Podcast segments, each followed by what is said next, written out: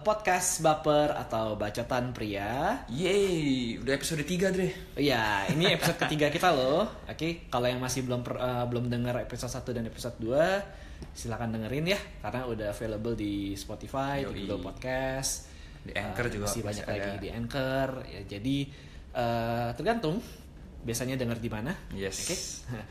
Dan di episode kali ini kita akan bahas satu trending topic yang lagi Lagi in banget lagi in banget ya. Hmm.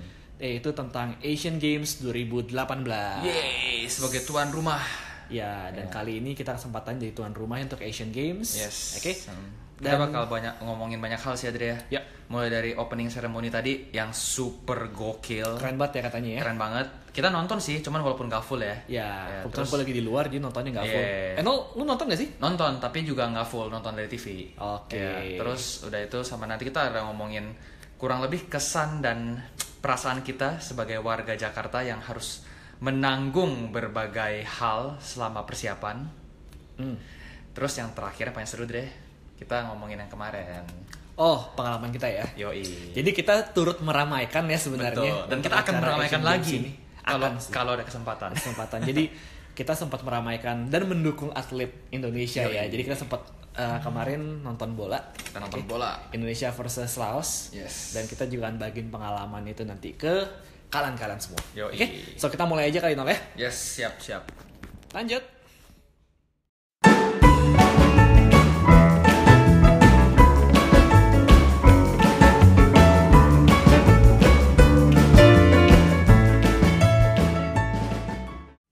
Oke guys, jadi kita ngomongin Asian Games nih ya.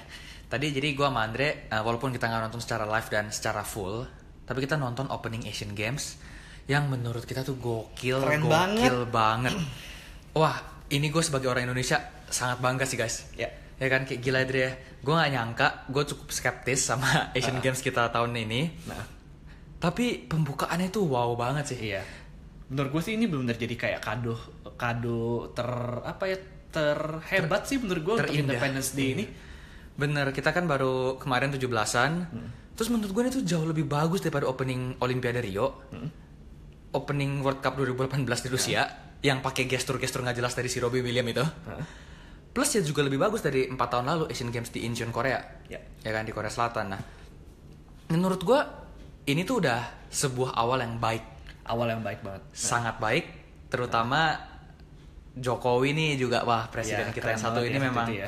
kita bukan bias tapi memang lu nggak mungkin nggak bilang dia gokil. Gokil banget. nggak? Jadi naik motor. Bener, udah kayak Fast and Furious gitu. Heeh. Dia naik ke mobil yang ada tanjakannya itu. Iya, mobil tanjakannya. Terus loncat. dia di GBK dia ngedrift, ya kan? Nah, Walaupun terus dia stunt- walaupun itu Iya. pasti stuntman lah ya. Pasti stuntman. Cuman menurut gua package-nya itu maksudnya sangat kreatif. benar, itu adalah sebuah contoh kalau memang Indonesia itu negara yang kreatif Ya. dengan pimpinan yang sampai sekarang memang cukup dicintai rakyat ya. Iya. Jadi kayak ya menurut gua Jokowi ini luar biasa sih hari ini dengan Iya. segala permainan yang dipersembahkan sama Iya. dia. Nah, sampai tadi dia joget ya, Dre. Ya berarti joget Pas- yang Via Valen ini. Via Valen ya, dia Valen, joget. uh, perform. Benar. Dan gue juga pengen mengapresiasi sih untuk para panitia contohnya uh, uh, terutama Wisnu Tama ya. Bener, Wisnu yang Tama. yang jadi kreatif director juga dan menurut gue itu keren banget untuk Keren kayak banget. untuk yang juga ko- uh, koreografernya Benar. Tari Saman Bener, tari samannya gokil banget. Itu 1500 dancer, latihannya 17 minggu. Terus katanya tuh banyak meaning Dre di balik na- tari samannya itu. Pengisi acaranya juga gokil-gokil. Gokil-gokil. Ada pemenang-pemenang medali emas dari cabang Asian Games, SEA Games dan Olimpiade yang nyalain obor. Tadi terakhir ada Susi Susanti. Ya intinya kayak fireworksnya gokil. fireworksnya gokil. Bener kan? Display panggungnya gokil banget. Sebenarnya gue lumayan skeptis loh, no. kayak ini apaan sih maksudnya? Eh, untuk event-event besar lainnya kayak Olimpiade atau kayak Iya, iya. eh, Piala Dunia kemarin itu sebenarnya satu satu Lapangan, lapangan dipakai iya. semua. Eh, ini ada Kok gunung. ini VIP kok di dalam lapangan Bener, gitu. terus ada Jadi- gunung, ada air terjun ya kan. Kayak jadi- lumayan apa sih Jadi gue gitu. takutnya tuh kayak jadi kayak acara dangdut biasa tau gak sih yang kayak Iya, di benar, acara benar. acara acara di TV gitu. Benar, tapi ternyata keraguan Kera- kita semua ya, dibabat habis. dibabat habis. Heeh, ini benar-benar awal yang sangat-sangat baik sih. Gue juga sama Enol sih sebenarnya pengen ngomong tentang awalnya tuh kita nggak cuman gue dan Enol pastinya untuk ya warga Indonesia itu sebenarnya sangat skeptical gitu loh dengan persiapan Asian Games. Dan kita pun nggak nggak ngedenger gaungnya sama sekali juga gitu loh. Dan bahkan malah kayak kesannya malah nyusahin kehidupan sehari-hari. Bener gak sih Nol? Betul, Tapi betul. dengan opening yang ha- opening yang kita tonton hari ini itu bener-bener kayak wah amazing banget. Dan nggak nyangka sih sebenarnya eh, Asian Games tuh Asian Games yang eh, kebetulan kita jadi tuan rumah itu kita punya opening yang benar-benar sangat luar biasa dan bah- bahkan jadi trending topik juga ya di Korea ya Betul, kayak Jokowi jadi trending topik dan menurut gua ya itu suatu hal yang cukup ya seru lah ya, at least Iya. untuk untuk sebuah pembukaan ini sangat baik Ah. gitu. Nah, cuman selain kita ngomongin bagusnya, Ya. ya kan, ya kita of course gue sama Andre kan ya kita lumayan sangat nasionalis ya Dre ya. ya nasionalisme kita dukung banget kayak nasionalisme. Kita sangat mendukung kayak Indonesia itu sukses baik dalam hal olahraga atau apa pun. Tapi kita juga mau ngomongin nih Dre, kesan dan pandangan kita selama persiapan Jakarta jadi tuan rumah Asian Games. Hmm. Karena kita kan ya kita kan warga Jakarta nih kebetulan. Ya kita nggak mau juga ya kayak oh dibilangnya karena pembukaannya bagus terus kita tutup mata sama semua hal-hal yang udah terjadi sebelumnya. Ya. Yang menurut gua cukup nyusahin sih untuk orang-orang warga Jakarta gitu. Ya. Ya, jadi kita nanti akan uh, bagi jadi beberapa bagian. Kita akan ngomongin dari hal persiapan. Kita ngomongin marketing Asian Games. Yup. Kita ngomongin juga efeknya untuk atlet sama uh, ya pokoknya atlet-atlet kita. Kita ngomongin post Asian Games. Terus juga kita akan ngomongin Indonesia yang sangat haus akan international recognition. Recognition, betul. Jadi kita tuh ya istilah kita tuh senang banget kalau kita dianggap keren dan bagus sama orang lain gitu ya. Iya sebenarnya padahal masih banyak banget PR-PR yang harus kita kerjain ya. Betul, betul. Mungkin lo bisa mulai deh dari Ya, persiapan ya. lanjut aja ya ngomongin kita kayak sebenarnya kesan dan pandangan kita sih gak cuman gue dan Enol tapi yang tadi gue bilang dari teman-teman kita atau dari warga Jakarta sih khususnya ya tentang Benar, Asian benar. Games ini gitu loh dari segi persiapan sih to be honest eh, malah menurut gue tuh kenapa gue bilang kita nggak ada hype yang untuk Asian Games nol karena kita lebih banyak kayak dramanya daripada uh, Asian Games-nya sendiri gitu loh. Kayak contoh uh, tentang masalah wisma atlet lah, tentang masalah kali item, masalah kayak ganjil genap gitu loh. Jadi lebih banyak dramanya daripada uh, daripada Asian Games-nya sendiri. Padahal kan kita pingin banget nih, kita jarang-jarang banget nih jadi tuan rumah Asian Games. Dan menurut gua ini kesempatan yang bagus banget itu untuk kita mendukung atlet-atlet kita gitu loh. Betul, Tapi betul. contoh nih kayak ganjil genap kalau gue bilang. Kalau yang gue denger, bahkan gue sempat denger, gue dan Enol sempat denger podcast dari channel yang lain ya tentang Betul. ngomongin Asian Games ini. Mm-mm. Dan si podcaster ini tuh bener-bener uh, lumayan emosional. Iya, emosional dan sangat mengkritik banget tentang persiapan gitu, Benar, apalagi benar. ganjil genap. Ya mungkin yang dia bilang ada benernya. Kayak contoh ini Asian Games cuma dua minggu tapi nyelesainnya tuh lama banget gitu. Betul. kayak ganjil genap nih Eh, kebetulan gue kerja di daerah Sudirman dan ya beberapa teman-teman kantor gue juga ngomong kayak aduh jalanan jadi makin macet banget dari yang cuma seharusnya sejam jadi kayak dua jam atau bahkan ada satu kolega gue yang sebenarnya mereka eh, sorry dia pergi ke kantor dengan istrinya untuk apa memperhemat eh, Biaya. transportasi biaya transportasi gitu ya.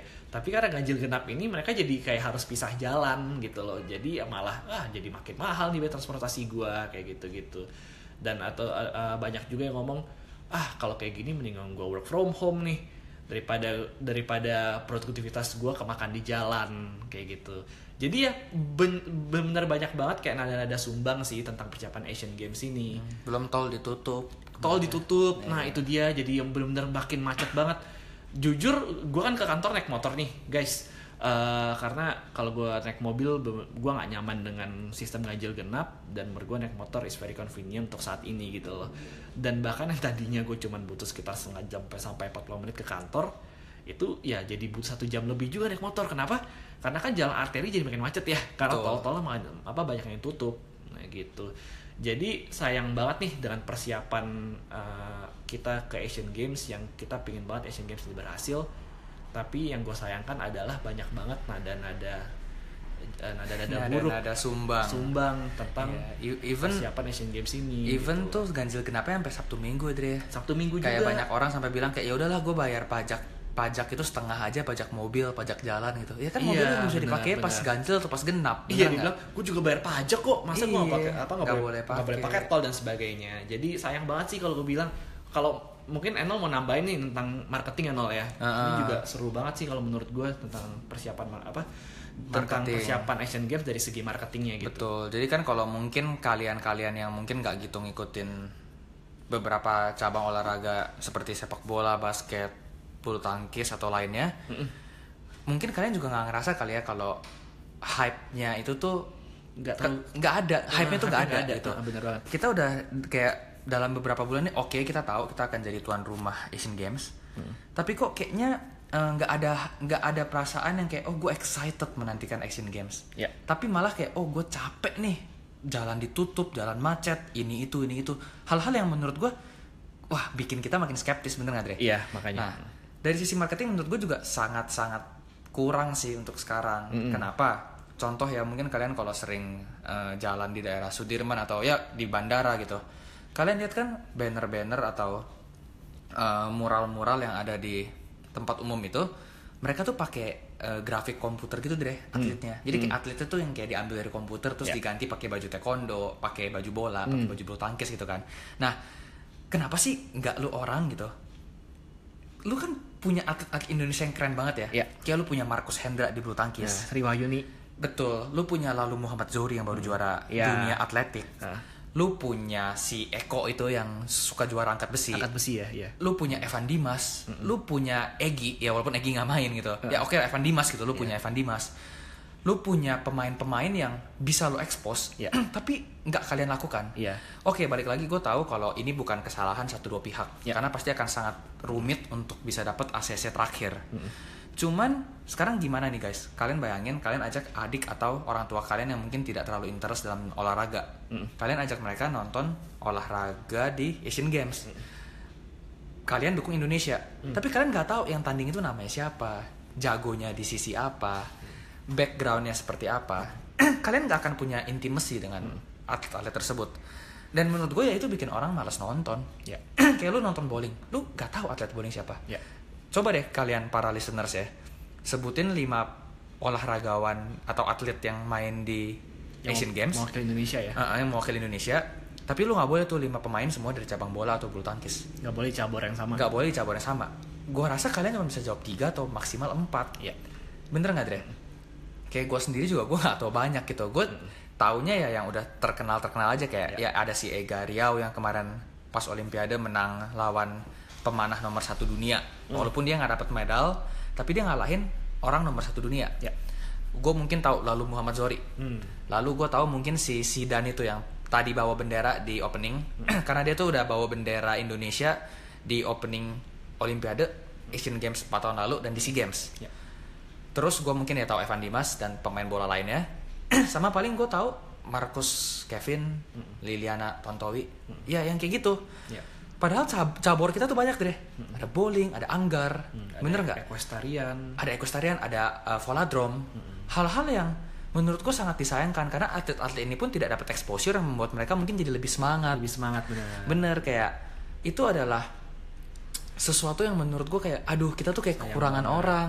Kalau kita memang negara yang kecil dan tidak punya atlet yang bagus, mungkin masih bisa dimaklumi. Iya. Tapi kita sekarang pasar ini cuman kayak tiga maskot kita tuh si Iya. kakak bim bim mama atung tiga binatang itu ya ya itu bagus menurut gua tapi kayak ya nah, balik lagi nih kita ngomongin mural-mural yang kema- kemarin tuh viral deh kayak eh, banyak digambar-gambar di pinggir jalan gitu Iya.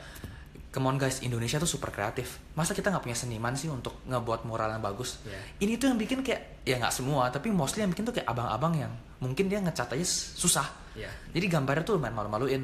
Kayak gua nggak tahu itu gambar dari daerah mana. Mereka kayak ngegambar Pak Gubernur kita tapi nggak jelas itu Ahok atau Pak Anies atau Kim Jong Un. itu nggak jelas banget guys. Ya nggak sih? Jadi dari sisi marketing tuh kayak kita juga lumayan kurang. Dan kalau kalian perhatiin iklan-iklan dari official partner juga baru muncul kayak seminggu terakhir. Ya. Kenapa sih nggak bisa kalian munculin dari dulu? Di mana kita bisa oh lumayan hype. Ya. Bahkan lucu ya Dre. Lu tahu nih pemain bola namanya Rafael Maitimo. Ya, Iya. gue tahu dia naturalisasinya dia ganteng, tapi dia Ganteng. tuh nggak main. Terus lu pakai dia buat promosi. ya males banget sih kalau gue Iya. ya gitu Kalau menurut gue bener kata lu sih Nol, kayak ibaratnya kita punya event olahraga olahraga terbesar di Asia, tapi kita nggak tahu jagoan-jagoan yang main untuk Indonesia siapa, betul ya? Betul. Ibarat eh, main film nih, ibarat film, kita nggak taw bintang filmnya siapa. iya terus kita langsung disuruh nonton Tapi, gitu aja eh, yang kita tahu malah investornya siapa. Nah ini yang menurut gue terjadi di Indonesia. Billboard Billboard Asian Games lebih banyak itu muka-muka eh, anggota-anggota politikus yang dia Betul. warawiri gitu loh tentang Asian Iya. Games daripada eh, kita tunjukin oh ternyata ada loh Sri Wahyuni di Panahan. betul Hmm. Sri Wahyuni Ternyata betul. ada loh Evan Evan Dimas untuk mau ke sepak bola Betul. kayak gitu. Eh, maksudnya untuk cabur-cabur bahkan untuk cabur-cabur yang nggak terkenal lainnya gitu. Mm-mm, kita tuh bisa expose mereka untuk agar kita tuh mengenal mereka terlebih dahulu sebelum Iya, kita bener. dukung mereka. Benar-benar. ya kan? Dan itu yang kenapa kita kok ngerasa di persiapan Asian Games kita nggak ngerasa ada hype Asian Games betul. Kayak even orang tuh nggak bisa bedain guys. Asian Games itu apa Sea Games itu apa? Iya, mereka benar. bingung. Mereka bingung. Dan bahkan kita tahu nih tahun depan kita punya uh, punya pilpres ya. Betul ada politik politik yang punya pesta memang demokrasi. Benar itu sih kita memang susah misahin ya Dre ya. Tapi balik lagi kita kayaknya kan bagus ya fokus dulu ya. Asian Iya. Games ini kan akan membuat nama Indonesia pasti jauh lebih diperhitungkan. Iya. setelah pembukaan yang super super bagus itu ya gue sih berharap sisanya ke belakang bagus juga. Tapi ah ini kalau gue ngomongin efek-efek yang marketing tadi nih gue juga ngeliat itu deh. Jadi di tengah jalan di deretan jalan Sudirman sampai ke ya sampai ke bundaran HI lah ya. Bundaran HI lurus dikit depan gedung Sinarmas itu kalau kalian tahu. Kalian tuh bisa ngeliat banyak patung-patung yang nggak gitu kecil patung-patung yang ditaruh di tengah jalan di separator dan patung-patung itu tuh kayak kurang lebih ada 20 gitu deh ya. Patung itu kan nggak mungkin murah ya. Dan patung itu bagus loh guys. Kualitasnya bagus. Tapi patung itu tuh bentuknya maskot deh maskot dari si tiga binatang ini si kakak bim bim atung nah ya kalau maskotnya eh kalau patungnya itu maskot Asian Games pasti kan cuma dipakai waktu Asian Games dong ya Nah, pertanyaan gue adalah, kalau itu patung anggap aja harganya satunya satu juta, 20 patung 20 juta. Daripada abis Asian Games patung itu lu buang Sia-sia ya. atau lu ancurin, kenapa nggak sih kalian pemerintah nih ya bikin satu monumen yang gede, mau pakai maskot tiga binatang itu kayak mau pakai maskot apa kayak, yang penting maskot itu tuh bisa jadi destinasi wisata, orang bisa foto di sana, orang bisa ke sana itu menunjukkan kalau monumen itu adalah bukti kita tuh pernah jadi tuan rumah Asian Games 2018. Kenapa kalian harus bikin patung satu-satu begitu nyusahin kita yang sama waktu itu sampai jalan ditutup, Hmm. ya nggak macet-macetan dan setelah dua minggu ini patung itu nggak akan kelihatan lagi. ya Ya nggak sih? Nah, kalau kalian mau contoh bagus nih, gue nggak cuma ngomongin jelek ya, jadi gue juga melihat sisi bagus. Gue baca dari salah satu eh, portal berita di Jakarta, eh, di Indonesia sorry. Jadi kalau kalian yang sering main di depan Bundaran di Bundaran HI itu, yang kalian suka ke GI atau ke PI, kalian tuh bakal lihat tuh ada instalasi eh, kayak monumen gitu yang lumayan aneh yang dari kayu-kayu itu. Nah, gue juga baru tahu kalau ternyata instalasi itu namanya tuh getah-getih guys. Jadi ini tuh ide dari Pak Anies dan dia tuh kerjasama sama satu seniman namanya Joko Avianto. Dan Pak Anies ini dapat eh, in- ilhamnya, dapat inspirasinya tuh saat dia ke Frankfurt Book Fair tahun 2015. Nah, jadi kalau kalian mau tahu guys, si getah-getih ini tuh adalah instalasi bambu. Dan kenapa bambu? Nah, ini tuh bagus maksudnya Pak Anies.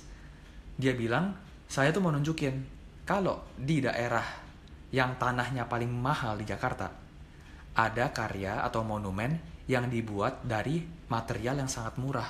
Bahkan bisa dibilang termurah, Hmm. yaitu bambu. Hmm. Nah, hal seperti ini kan bagus guys. Ya. Kalian bisa menikmati monumen ini sampai mungkin nanti eh, anak kalian ya, kok cucu mungkin kejauhan ya. Tapi kalau dijaga terus ya, ini akan jadi ikon kita juga. Dan monumen ini walaupun mungkin sedikit random, tapi kalau kita tahu makna itu bagus loh. Iya. Ya nggak sih? Ada material yang sangat murah di tempat yang paling mahal di Jakarta. Ya. Nah itu kan berarti guys. Iya. Dan nggak usah kalian copot setelah Asian Games. Iya. Bener nggak sih? Gitu loh. Hmm. Hal-hal seperti itu yang menurut gue sangat cukup gue sayangkan.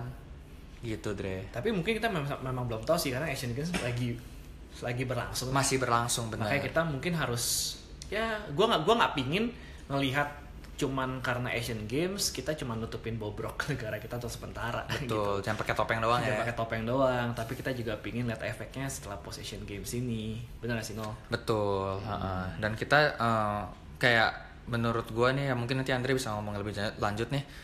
Bu- Buat gua kita tuh pencitraannya tuh jago banget sih Dre. Jago banget. Karena Indonesia balik lagi ya guys. Kayak tadi gua udah ngomong, kita tuh haus banget sama international recognition. Kita tuh kalau dipuji tuh kayak tuh terbang ke langit. Iya. Kalau kita dilihat bagus dikit, juara dikit tuh kita, wah kesannya tuh kita paling hebat. Ya mungkin ini kita akan relate dikit ke dunia sepak bola, di mana kemarin adik-adik kita nih, eh, timnas Indonesia under 16. Oke guys, kalian nggak salah denger, kalau yang nggak ngerti U16.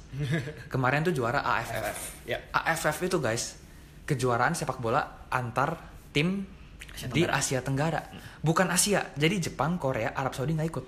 Yang ikut Thailand, Singapura, Vietnam, Malaysia, Timur Laos. Leste, Laos. Nah, ya Andre deh lanjutin deh. Gue agak kesel sih sebenarnya Agak kesel. 16 ini. Iya. Gua, iya, gue sama Andre sebenarnya kita senang ya, Dre. Bener. Kita bangga banget adik-adik kita ini juara. Tapi ya udah gitu. Iya.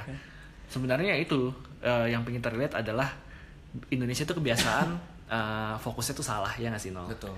Ya cuma kita relate sedikit ke adik-adik kita yang U16 tadi katanya Nol, ya mereka juara is a good thing. Cuman jangan sampai kayak mereka juara tapi fokusnya tuh hilang yaitu adalah membina mereka supaya jadi atlet yang lebih baik lagi. Benar Betul. nggak sih? Ini kan masih awal. masih awal Ini banget, awal banget gitu loh. Tapi dengan mereka menang di U16 kemarin, se- sebenarnya semenjak perjalanan mereka menjuari AFF, menjuarai AFF kemarin, itu exposure-nya menurut gue terlalu lebay. Sampai disiarin di TV nasional sebenarnya nggak apa-apa, tapi gila-gilaan banget. Antusiasme masyarakat juga gila-gilaan banget. Dan ya kita bersyukur bisa menang.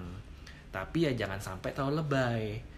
Dulu U19 ya, eh, berapa tahun lalu waktu Evan Dimas Yes, masih itu paling 2013. 2013 ya Nah, itu 45 tahun juara lalu. sebenarnya oke is a good thing tapi setelah itu lihat deh post mereka juara eh, jujur aja hanya beberapa atlet dari eh, U19 itu yang masih kedengar gaungnya gitu bahkan mereka waktu itu setelah juara mereka punya tur Nusantara lah dan lain-lain yang setidaknya menurut menurut gue jadi wasted Dan Betul, itu nggak ke arah yang salah gitu. Itu nggak penting banget sih buat gue tur Nusantara gitu kayak kita mau ngelihat timnas Brazil U19 atau Spanyol atau Argentina itu susah. Makanya itu peta kekuatan di tim junior itu masih merata Dre. Iya. karena kita untuk cari informasi tentang mereka juga susah. Iya. nah kita itu bikin pertandingan terus di broadcast live masuk YouTube masuk semua sosial media dan ya itu kan menggampangkan lawan-lawan Iya. dari timnas lainnya untuk ngasih tahu ngasih tahu ini dong kayak pelatih ngasih tahu pemainnya kayak eh nih lihat tim Indonesia tuh main kayak gini. Iya. Ya nggak? Padahal kita mau nyari info tentang mereka aja mungkin susah. Susah bener. Bener gak sih? Kayak oke mereka mau latihan di Spanyol mau tur Nusantara itu terserah itu bagus. Tapi ya nggak perlu juga kalian jadiin mereka tuh kayak sirkus media. Iya, setuju. semua itu jadi duit ujung-ujungnya Iya. bener kan? Dan ya buktinya apa? Dari 23 pemain yang masih eksis sampai sekarang paling tujuh orang yang masuk timnas senior dan U23 sekarang, Ya, sekarang, Dre? betul. Ha. Nah, buat kita adik-adik umur U16 ini kan ya berarti umur 14 sama 15. Ya. Itu tuh umur anak SMP SMA, guys. masih bener usia sekolah banget Bener jangan sampai mereka itu layu sebelum berkembang. iya Kayak kalian lihat gitu, Inggris juara Piala Dunia U17 dan 17. U20. Tapi lu lihat, mereka biasa aja. They don't even care kadang-kadang. Ya enggak? Karena mereka tahu ya yang penting itu saat mereka di level senior dan level senior mereka timnasnya bapuk. iya Kayak sekarang Nigeria pernah juara Olimpiade, pernah juara dunia ya kalau gua nggak salah. Iya. Begitupun dengan tim-tim lainnya seperti ya kayak kita ngomongin Argentina pernah juga juara Olimpiade, juga dapat medali emas. Tapi ya mereka pasti ditanya bukan pengen juara Olimpiade, mereka pengennya juara dunia. Iya. Sedangkan kita juara AFF aja tuh lebaynya setengah mati. iya Ya kan gua ngucapin selamat, of course gue pengen. Ya tapi kalau cuma juara AFF dan U16 ya udah sih. Abis ngomong selamat kita senang ya udah. Nggak usah lebay nggak usah digiring-giring. Kalau lu juara Piala Dunia U17 Yep. gua akan kasih lu selamat. Tapi kalau lu cuma juara AFF ya lu oke kalian boleh bangga tapi kalian harus tahu kalau ini tuh titik awal. Iya, jangan sampai perkembangan mereka itu di eh, disalahgunakan sama promotor-promotor untuk ngaruh duit. Betul, dan ini balik lagi ke kayak Asian Games nih. Asian Games kita tuh udah openingnya bagus. Jangan lebay, jangan anggap ini tuh akhir. Kita tuh masih punya dua minggu. Dan kalau bisa ya sampai closing kita tuh ya mungkin nggak perfect, jauh dari sempurna, tapi kita tuh bisa menunjukkan kalau oke Indonesia tuh konsisten. Ternyata bagusnya itu nggak cuman awal, tapi juga sampai akhir bener nggak Dre gitu. Sama balik lagi ke fokus terus fokus yang utama yaitu ya kita pingin supaya Asian Games ini berhasil atlet-atlet kita menang banyak medali Yes. gitu ya. Jangan jangan jangan jadiin Asian Games ini kayak uh, curi start uh, apa ik, bukan iklan sih curi start partai-partai politik atau ya pil, mas- uh, atau pilpres 2019 gitu. Iya, kayak Indonesia kan mau bidding nih jadi tuan rumah Piala Dunia 2034. Tapi ya come on guys, buat gua sih gini, lu mau jadi tuan rumah Olimpiade, ya kalau sanggup boleh. Tapi kan kalau kita lihat ya mungkin Asian Games aja kita engap-engapan. Terus kayak bola gitu. Kita juara AFF aja susah guys. Lawan Thailand aja menang sekali-sekali. Terus kita mau jadi tuan rumah Piala Dunia. Menurut gua kalau kita cuman masuk Piala Dunia karena karena kita jadi tuan rumah itu berarti kan kita masuknya otomatis ya guys kita kan nggak ikut jalur kualifikasi ya orang akan ngomong kalau Indonesia tuh cuma bisa masuk Piala Dunia karena duit. Iya. atau mungkin ya kasarnya mungkin kita bisa dibilang korupsi. Ya. ya nggak loh negara lemah nggak pernah masuk Piala Dunia masuk Piala Asia aja jarang terus tiba-tiba jadi tuan rumah Piala Dunia. Menurut gue itu tuh konyol banget. Dan ma- ja- takutnya malah ketika kita masuk Piala Dunia jadi malu-maluin Bener. jadi kayak kebantai sana sini gitu. Iya, kalau kita memang punya uang, kenapa nggak kenapa sih nggak kita investasiin aja ya? Kayak kata podcast seberang juga kita kan jago di bulu tangkis. Hmm. atau mungkin di atletik atau panah ya hal seperti itulah. Atau mungkin lu mau investasiin di sepak bola ya kalian pakai duitnya untuk Silahkan, investasi iya. di situ. Nanti kan kalau kita ikut kejuaraan di negara mana pun kalau kita juara kan kita tetap bangga. Iya. nggak perlulah kita jadi tuan rumah kalau kita nggak sanggup dan ujung-ujungnya malu-maluin. Selain malu-maluin kita nyusahin rakyat juga guys. Iya. Mungkin bisa kalau sepak bola bisa investasi stadion di, Bener. di pembinaan usia muda. usia muda jangan usia mudanya dibikin jadi sirkus Jadi sirkus. Nah, itu gitu dia. ya kayak bulu tangkis kita udah bagus banget kenapa nggak dibikin lebih bagus, Bagus lagi? lagi, kayak kita iya. mungkin ceweknya udah lama nggak juara ya deh yang Iya. yang bulu tangkis wanita kita gedor lagi gitu jangan sampai orang cuma taunya Susi Susanti atau Maria Christine atau Liliana Natsir Iya. kita punya banyak atlet gitu loh Ya intinya gue main nol jangan nggak pingin sih Asian Games jadi topeng. Betul. ya. Ya it's a good portfolio kalau emang berhasil, tapi jangan jadiin kalau emang belum siap ya jangan maksain lah. Betul. Iya nggak sih Iya. gitu. Terus Par- mungkin lu ngomongin ini Dre tadi lupa eh, kayak kali hitam sama oh iya kali hitam, Atlet, ya. Atlet. Atau lu aja nol. Kalau kali kalau kali hitam sih ya, ya itulah kayak ya itu gue bilang tadi sih kalau kali hitam sih balikin jadi balik kayak ke topeng lagi sih. Iya Iya kan? nggak nggak penting gitu loh guys kayak kali udah jelek ditutup terus ya kayak, kayak pengalihan isu gitu loh Ya panggilan isu bener. Iya kan kayak Wisma Atlet ya guys ya itu kan di Kemayoran kalian lihat itu tuh bagus banget gitu terus katanya setelah itu mau dijadiin tempat rusun Iya. ya menurut gua kalau jadi rusun tuh pasti kotor gitu dan ya ada peluang untuk tempat ini dibisnisin jadi properti dan akhirnya yang beli orang-orang tajir lagi orang-orang mampu lagi Bisa jadi. Nah, berarti kan fokus kita salah lagi nih. Dari tadi yang mau membantu yang kurang mampu, jadinya malah menggemukkan, iya menggemukkan orang yang sudah gemuk gitu. Iya. Nah, itu kan hal-hal yang menurut gua kok kita kayak kurang pikir panjang gitu, Dre. Iya. Kita kan hidup itu mak- maksudnya gini loh, Indonesia itu harus bagusnya itu nggak cuma pas Asian Games. Iya. Setelah dua minggu selesai 2 September, kita tuh tetap harus menunjukkan kalau oh Indonesia itu bisa lebih baik lagi. Iya. Jangan karena Asian Games kita bagus dua minggu, Dua setelah minggu, dua minggu itu, kita iya, buyar. buyar gitu. Nah makanya sih makanya mungkin ya di post Asian Games ini yang tadi yang kita udah ngomong sih Yonol ya, ya kita ya semoga Jakarta jadi makin baik lagi, ya kan atlet-atlet Pasti. jadi makin berprestasi lagi. Bener. Ya mungkin kalau uh, berhasil bisa jadi portfolio yang bagus untuk Olimpiade. Ya mungkin sekarang itu aja sih ekspektasi Iya, gue untuk. Asian Games Kita sih. kan mau Olimpiade lagi 2020. Iya bener. Ya mungkin nanti kalau kita dapat kesempatan punya untuk menyelenggarakan event besar lagi ya jangan sampai fokusnya salah lagi. Hmm. Betul. Kalau gitu. bisa kan kita udah ada pengalaman nih. Iya. Ya, betul. kita lebih terorganisir. Dari sisi marketing pun mungkin kita bisa lebih menonjolkan hal-hal yang lebih penting ya ngasih Iya. Dre. Gitu. Mungkin gue main lo pin nambahin aja sih karena kemarin kan sempat kita dap kes- apa uh, sempat Dapat nonton ya. Hmm, sempat nonton Indonesia versus Laos ya di Asian Games kemarin gitu loh. Dan ya mungkin kita pingin kasih unek-unek dan kasih pengalaman bagus juga oleh mumpung Asian Games-nya masih berlangsung. Iya nggak sih Nol? Betul, betul. Nah, jadi kemarin kita sempat ke Bekasi nih, sempat nonton bola dan sempat ngantrinya panjang juga. Ya nggak sih Nol? panjang banget dan Panjang itu juga banget. aduh ya dan, Dan Andre akan cerita deh gua- karena kemarin eh, sorry Dre gue potong dikit. Iya. ini kemarin gue intermezzo dikit. Ini ntar akan diceritain guys. Kemarin gue sampai ribut sama, Sama polisi, polisi. Heeh. dan ributnya tuh bener-bener ya nggak sampai pukul-pukulan of course Iya. bisa mati gue cuman wah itu gue udah naik pitam banget. Nada gue udah sangat gak enak. Gue udah sangat sangat merasa tidak di appreciate ya pokoknya lu cerita aja deh Iya, makanya gue juga nggak pingin ya openingnya bagus, it's good gitu loh. Tapi nggak cuman jangan sampai openingnya bagus, tapi dari segi eksekusinya itu malah bobrok gitu. Jadi kayak kesannya kayak gini sih, kayak untuk orang-orang yang nggak nonton olahraganya, kesannya kayak gimana Asian Games kemarin di eh, di Indonesia, wah bagus banget, tapi cuman kayak relate ke openingnya gitu loh. Tapi kalau yang untuk bagi orang yang nonton olahraganya, mungkin se sepengalaman dengan kita nol ya? Iya. Gue nggak ngerti dengan faedahnya kita beli tiket online terus tukar tiket. Betul. Itu gue ngerti faedahnya.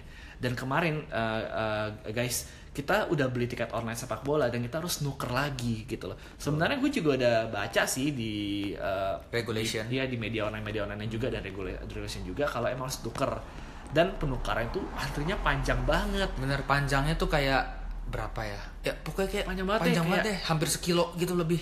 Dan bahkan sampai nggak kan ini di kita nonton di stadion Patriot Bekasi dan itu kan ada di pinggir jalan Benar. gitu loh. Dan sampai antreannya itu memakan ya mungkin nggak sampai seperempat sih mungkin ya seperdelapan jalan. Betul, dan efeknya jadi macet juga. macet banget guys. Heeh, gitu. Ya makanya gue ngerti dengan panitia yang kenapa sih harus tukar tiket kenapa sih kita nggak beli online dan ya kan kita sekarang punya QR code ya nggak sih? Betul. kenapa kita nggak diinvestasikan untuk kayak kita punya satu mesin yang lumayan canggih.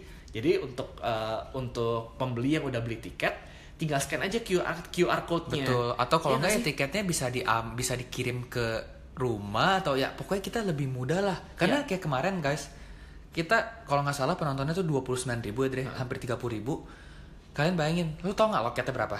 Cuman tiga. cuman tiga bener guys, banget. tiga loket untuk 30 ribu orang. Iya, mungkin ya yang yang sepuluh ribu beli offline, dua puluh ribu beli online gitu. ya Iya, untuk ya dua puluh oke, ribu, untuk 20.000. tiga, tiga loket kan dia kurang banget gitu. Itu konyol gitu Iya, loh. konyol banget. Nah, dan ya ini ya Dan menurut gue yang konyol lagi satu sih nol. Nah. Itu print eh, e-voucher kita yang kita beli online itu mesti di print. Bener, ya kita sih nggak print Adri ya. Kita nggak print Kita untungnya. tahu kayak Iya, ngapain juga kita ngapain gitu. print, kan ada QR code, tinggal kasih lihat handphone. Iya.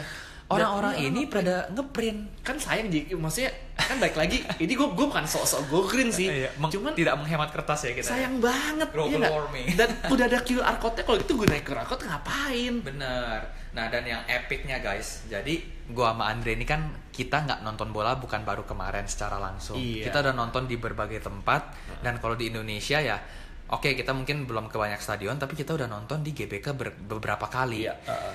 Nah, kan gue suka foto ya guys. Jadi gue tuh bawa kamera, which ya mirrorless gitu, nggak Ya. gede, ya kayak pocket kamera.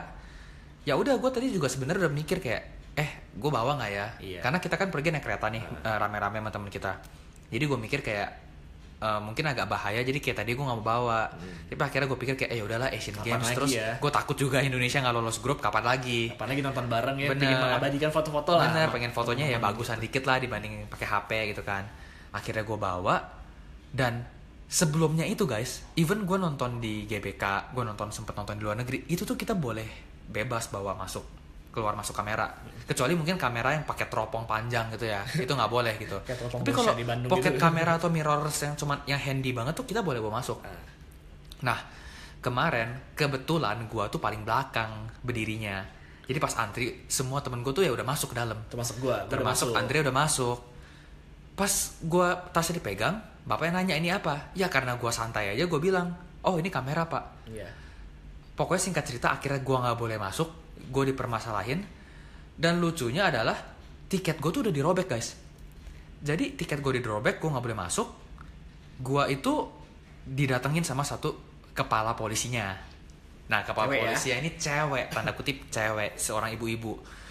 Balik lagi nih, kita ini bukan nggak hormat ya guys sama aparat keamanan, sama polisi. Kita tuh of course hormat, kita juga bukan mau cari ribut. Dan mereka pun juga tugasnya melindungi kita Bener, juga, tugas kan? mereka adalah jagain kita biar semua kondusif, biar semua aman dan mereka punya otoritas. Oke, gua ngerti. Nah, tapi kan kondisinya adalah gua nggak bawa kendaraan, gua naik kendaraan umum dan di sana ternyata tidak ada tempat penitipan. Oke, kalau gue bawa rokok atau petasan, gue tinggal buang guys. Ini gue bawa kamera. Masa kamera gue gue buang biar gue bisa nonton? Nah karena gue kesel gue nanya sama ibunya ini baik-baik. Bu kalau gitu boleh nggak saya cari solusi? Saya mau titip kamera saya ini sama ibu atau anak buah ibu atau mungkin sama panitia yang bertugas. Ya. di dalam ada ruangan saya titip saya kasih KTP ya intinya saya kasih nomor. Beres ya nggak? masalah beres. Beres. bener nggak? Si ibu ini dengan nada yang sangat gak enak dia ngomong sorry ya saya bukan penitipan saya nggak peduli kamu gojekin aja atau kamu taruh mobil atau kamu taruh motor nah ini diomongin gitu gue emosi guys Iya. karena dia ngomong saya bukan penitipan tuh nada yang nggak enak dan dia ngomong di depan muka gue dengan nada nggak enak kesannya kayak wah emang gue nggak punya mata gue juga tahu dia bukan penitipan Dan lu punya otak juga sih sebenarnya. gue punya otak dan gue kan cari solusi ya. Makanya gue nanya dia baik-baik. Terus gue udah kasih tau gue naik kereta, dia suruh gue taruh di mobil atau motor. Gue sampai kesel gue tunjukin kartu kereta gue kan. Gue bilang kayak bu saya bener naik kereta, saya nggak tahu lagi motor mana. Masa saya jadinya nggak bisa nonton cuman gara-gara kamera. Kamera. Ya nggak. Dan gue kan bukan maksa mau masuk guys. Gue udah menawarkan kayak bisa nggak saya titip, bisa nggak saya eh, taruh dulu Di kantor. Di kantor. Inti- Intinya lu kan udah kasih coba, lu udah coba kasih solusi. Bener, gue mencari solusi. Nah, pokoknya singkat cerita adalah keadaan tidak membaik, keadaan sangat buruk, dan gue membuat apa ya? Karena gue juga nada gue juga mungkin udah nggak enak, gue juga udah kesel. Orang-orang di sana juga panitia juga mulai turun tangan, kayak wah udah mulai ri- ricuh deh. Nah, akhirnya singkat cerita gue keluar, gue mau keluar guys, untuk nitipin barang gue di depan eh, stadion. Iya. Karena kebetulan di depan stadion tuh ada BCA. Ya, Nah, ada jadi gue mikir kantor BCA. gue mau nitip di satpam BCA. Eh ternyata pas gue mau keluar, polisi bilang kalau tiket kamu udah dirobek nanti kamu nggak bisa masuk. Berarti lu nggak bisa keluar. Berarti gue nggak bisa masuk dan gue nggak bisa keluar. Lucunya adalah polisi ini ngotot. Kalau dia bilang kalau pengumuman itu udah ada di depan, nggak boleh bawa kamera, guys. Gue langsung mikir, pengumuman itu kan adanya di stadion. Berarti kalian harus ke stadion dulu, baru kalian bisa tahu kalau ini tuh nggak boleh bawa kamera. Bener nggak? Terus dia bilang, oh iya saya nggak peduli, ini tuh Asian Games, ini tuh bukan uh, tempat nonton bola yang kamu nonton dulu. Ya, ah, gua bales, gue bilang gue juga tahu Kita, gitu. kita juga tahu ini Asian Games. Bener, tapi setelah kita cek, nggak ada larangan kalau kita tuh nggak boleh bawa kamera. Iya. Ya nggak, jadi apa yang mereka ngomongin itu nggak make sense. Soalnya yang gue tahu dan Enol nih, uh, guys, nggak ada di mana stadion kita nggak boleh bawa kamera. Bener, dan maksud gue kayak gini loh. Oke lah, gue ngerti mungkin takut foto dijual atau apa. Tapi kayak kamera HP kan boleh. Gue Kamera HP sama aja Gue gitu. juga sampai lumayan emosi gitu. Nah, dan ya pokoknya gitu mereka ngomong kurang masuk akal. Which kayak berarti kan gue harus nyampe sini dulu baru gue tahu kalau gue nggak boleh bawa kamera kamera gitu. Dan gue oke kalau gue bawa mobil gue bisa taruh di mobil atau gue bawa motor gue taruh di motor. Tapi kan ini enggak. Nah, jadi ya pokoknya tapi akhirnya gue bisa masuk karena gue titipin kamera gue di uh, BCA. Cuman ya begitu ada satu kasus yang buat gue tuh cukup konyol dan cukup buang waktu sama tenaga. Iya. Nah lucunya lagi Dre ini lo yang cerita Eh, ada larangan untuk kan nggak boleh bawa botol masuk tuh ke Iya. dalam. Tapi di dalam tuh ada Alfamart. Ada Alfamart. Nah di Alfamart ini jual botol-botol minum seperti Aqua dan lainnya. Iya. Nah ini lo yang cerita Dre. Ah, jadi ya ya wajar sih kalau masuk saja nggak boleh bawa botol karena which is takut dilempar ke takut dalam. lempar takut anarkis sebenarnya bener, bener Bener. banget cuman ya waktu it- kemarin gue sama Enol akhirnya aus dan ada Alfamart yang kita beli minum gitu ya Betul. dan ya mereka juga jual aqua dan aqua yang dibeli itu dimasukin ke dalam cup plastik guys Betul. cup plastik oke kita ngerti kenapa pakai eh, apa nggak boleh botol takut dilempar segala macam dan cup plastik emang nggak bisa dilempar tapi kan sampahnya jadi double ya Betul. Double plastik gitu loh double banget dan bayangin guys satu orang beli lima berarti ada lima gelas dan itu antrinya jadi lama banget Jadi lama banget. karena bayangin orang beli aqua dituangin lagi ke gelas Heeh. itu bawanya susah nambah nambahin sampah sesuatu yang buat kita tuh kayak eh, nggak ada cara lain apa Kayak- gitu ya kita juga nggak tahu solusinya sih ya jujur Iya sebenarnya emang susah sih solusinya Bener, apa. tapi- Cuma kan jadi kayak gregetan aja sih. bener itu konyol banget dan hanya ada satu Alfamart di situ Satu Alfamart, untuk iya. tiga puluh ribu orang Iya. ya nggak sih Dre Jadi ngantri tuh bener kayak mengular panjang gitu. bener dan kayak sampahnya double dan buat gue kayak ini tuh hal-hal yang buat gue menunjukkan kalau kita itu sebagai tuan rumah masih banyak banget kekurangan Masih banyak PR banget gitu loh. Bener, Dan PR PR ini tuh bikin kita lumayan jengah kemarin. Iya. Apalagi kita kemarin belum nonton opening. Iya. Makanya opening tadi tuh cukup Kayak- membuat kita kayak, oh ternyata lumayan mengobati luka hati lah iya. gitu. Makanya yang tadi gue bilang berkali jangan sampai opening ini ngebuyarin kita kita gitu loh. Oke opening bagus, tapi ya tolong eksekusinya juga bagus terutama di pertandingan-pertandingan yang akan kita jalanin nih Yes. ya balik lagi sih kayak penukaran tiket ah, maksudnya tiket yang dibeli di online harus ditukar itu aneh menurut gua nggak boleh bawa kamera tadi N0 pengalaman N0 sendiri ya Iya. menurut gua kalau emang udah dikasih tahu dari awal atau bahkan sendiri deh taruh di e-voucher tiket yang kita udah beli Iya, kalau ada kan gue gini guys. Gak akan beli. Gue kan bukan datang untuk cari ribut sama polisi. Dan gue pun datang gue akhirnya tuh nggak ngotot untuk bawa masuk kamera, tapi gue mena- mena- men- menanyakan solusi. Iya. Masalahnya adalah aparat-aparat ini bukannya memberikan solusi, tapi mereka kayak sedikit menganggap kita bodoh gitu Sama loh. bodoh dengan mengatasnamakan polisi gitu. Bener kayak mereka pikir kayak gini. Oke satu mungkin terkesan arogan kayak karena gue ngomong gue nggak cuma nonton bola di sini. Tapi kan memang gue mencoba menceritakan fakta. Jangan dikira gue baru pertama nonton. Bener nggak? Dan kalau gue tahu nggak boleh bawa, masa gue bawa? Masa gue mau nyusahin diri gue dan teman-teman gue yang lain yang jadinya nungguin gue karena gue nggak bisa masuk. Nah hal-hal seperti ini kan coba misalnya balik lagi ke marketing atau promosi. Coba dari awal udah dikasih tahu kalau oh yang tidak boleh ini ini ini ini. Ya nggak? Ada info yang lebih jelas. Ada info yang lebih akurat. Ya. ada info yang lebih bisa tersampaikan dengan baik. Hmm. ini tuh nggak ada guys. Jadi kayak menurut gue sebagai tuan rumah dan ini kan semua jadi pembelajaran Adria Setuju. kita kan mau lebih baik. Kalau bisa ya tolong di benahi gitu. Iya. karena eh, kemarin kalau perhatiin Dre pas kita pulang nih guys.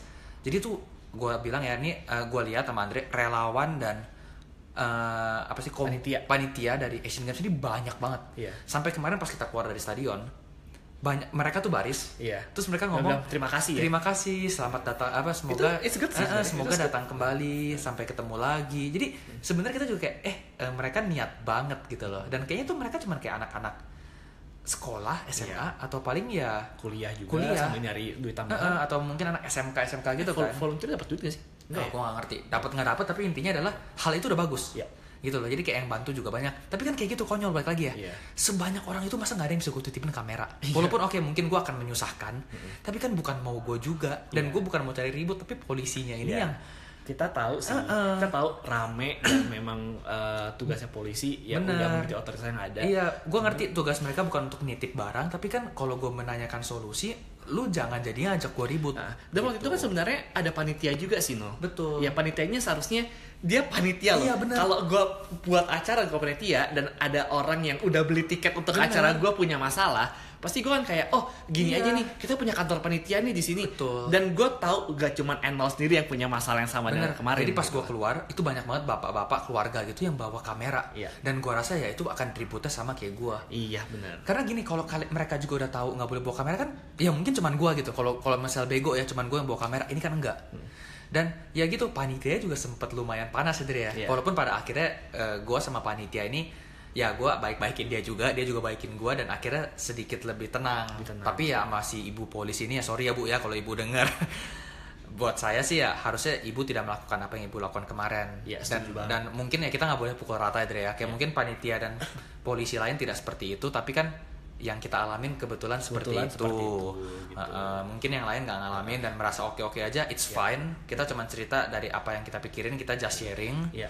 Jangan sampai ya, maksudnya kalian juga jadi skeptis atau gimana enggak. Tapi ini kan dari pengalaman kita intinya aja. jangan sampai uh, pengalaman pe- kita disuruh gini ayo kita ramein Asian Games dan dukung atlet Yes, kita yes. tapi kita udah mendukung atlet kita kita juga udah berinvestasi beli beli tiket ya malah pengalamannya buruk gitu loh Betul. Iya kita kan capek duluan. Ha-ha. Pertandingan belum mulai kita udah capek. capek ini kita terjadi sama kita orang-orang Indonesia gitu Yes. apalagi taruh lah bukan kita bukan ngomongin bola tapi mungkin ngomong cabang olahraga yang lain Yes, kita ngomong in general ya. in general ada mungkin ada wisatawan juga penonton Asian Games dukung negara mereka dan mereka dia bawa kamera ada masalah kayak begini gitu Betul. loh Kita ini Itu kan- sama-sama dukung Indonesia loh. iya Ya gitu. kita Jadi- datang bukan untuk ribut, bukan untuk apa-apa, Heeh.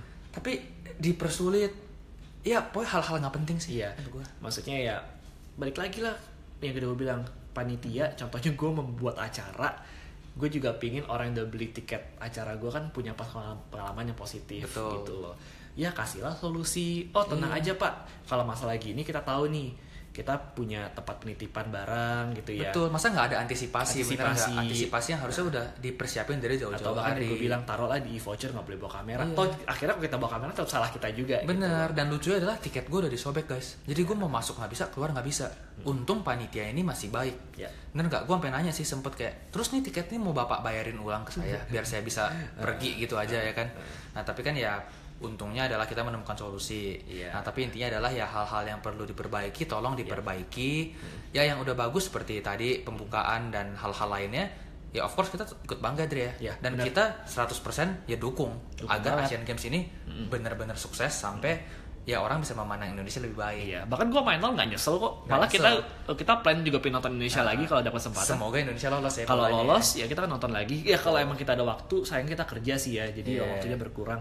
Ya kalau emang kita ada waktu itu kita juga pengen nonton cabang Bener, lain. kita mau ngomong cabang lain kayak uh, bulu tangkis, even kayak mungkin atletik itu kayak Iya, volodrome kita pengen banget nonton ya. Jadi kita tuh bukannya yang kayak dari tadi kita mungkin ngomongin hal-hal yang kurang baiknya, terus kita ke sana kayak oh kita nih uh, nggak mau Skeptis. dukung, skeptis atau ya kebanyakan komplain tapi enggak guys kita ini cuma ngomongin apa yang dari pandangan kita, Iya, bener. yang mungkin juga kita dapetin dari teman-teman kita yang sedikit juga mengalami banyak masalah karena ganjil genap, karena tol ditutup atau Ya. karena pembangunan. Nah, itu kita rangkum di sini dan ya kita tuh cuman mau ngomong kalau sebenarnya harapan kita tuh semua sama, Dre. Sama, iya. Yaitu agar Indonesia tuh jadi tuan rumah yang sukses. Iya. Nggak cuman dari acara, penyelenggaraan tapi juga dari sisi prestasi. Iya, setuju. Gitu. Oke. Ya, kalau gitu dari dari kita sih ya segitu aja noleh. Benar, paling sih gitu aja. Cuman ya balik lagi ya guys buat kalian yang mungkin selama ini tidak begitu peduli dengan Asian Games juga Ya. mungkin kalian boleh sedikit lebih cari tahu. Cari tahu bener. Kalian boleh Jarang-jarang loh Indonesia di, Benar. di tuan rumah Asian Games. Yes, yes. Eh, kalau mau ngomongin itu tadi dikit ya. Apa? Eh, bahkan ini guys, pembelian tiket juga diganti. Jadi beli-beli sekarang. Jadi beli-beli. Nah, itu dia nih yang gue Di- point out. diganti satu hari sebelum pembukaan. Heeh, iya, kayak hal-hal iya. kayak gitu sih yang masih perlu banget dibenahi ya. Iya kayak pembelian tiket. Iya, Iya, iya. contoh yang basket gue lihat ba- apa baca Jadi lanjut berita. lagi dikit. Kok jadi lanjut lagi, Pak? Pokoknya yang basket nih contohnya. Iya. Kapasnya cuma 1.500, tapi dari vendor tiket ya, ter, Iya. third party-nya ini uh, ngejual tiket ya seenak jidat. Betul, melebihi Yang- kapasitas Melebihi yang kapasitas. Jadinya yang udah beli um, apa? Jadinya kayak kurang nyaman duduk di tangga dan sebagainya. Bahkan juga mengambil tempat-tempat kayak contoh tim media Betul. gitu ya atau reporter jadi kan jadi nggak nyaman Benar, gitu. jadi istilahnya tidak enak untuk semua pihak. dan ya nggak enak sebab eh, untuk semua pihak dan yang paling penting sini yang gue pengen highlight adalah komunikasi Yes. dari panitia juga dengan yang jasa tiket Betul, gitu. dari vendor-vendor ya harus lebih. Ya pokoknya intinya adalah masih banyak kekurangan. Masih banyak PR lah Tapi ibaratnya. ya belum terlambat lah ya. Belum Kayak terlambat. kita harapkan semua Iya. lebih baik dan ya kita mungkin eh, udahin aja podcastnya Dre ya. Kayak ya kurang lebih yang kita Kalau- omongin mungkin kalian juga rasain dan kalian alamin. Eh, kalau kalian mungkin ada yang lain yang lebih pengalaman yang mungkin lebih menyakitkan daripada kita bisa sharing ya Dre Bisa sharing juga boleh email kita juga Benar. Dan thank you juga guys untuk yang selama ini udah kayak teman-teman kita support nih ya buat Ya, eh, podcast podcast ini. ini. Nah, balik lagi guys, kita incernya tuh eh, bukan viewer ya, kita incernya impact. impact Nah, kita juga nanti ada rencana sih pengen ini Dre mungkin ada undang-undang bintang tamu ya. ya Nah, jadi kayak teman-teman kita mungkin yang eksis dan mungkin berpengalaman di bidang tertentu pengen kita ajak jadi podcast bareng. bisa kasih informa informasi informasi tambahan Yes, ya jadi kita kan ya nggak nggak tertutup dari pengalaman kita berdua doang, nggak terbatas dari apa yang kita tahu doang, tapi kita punya input dari pihak-pihak lain. iya benar Ya banget. paling gitu-gitu aja sih guys. Jadi nanti uh, see you di podcast berikutnya. sip Nah, kita uh, podcast berikutnya topiknya kita belum tahu apa. Iya. Nah, tapi nanti kita akan keep updated ya dan tunggu saja tunggu aja podcast baper berikutnya. oke ya Bye bye. see you guys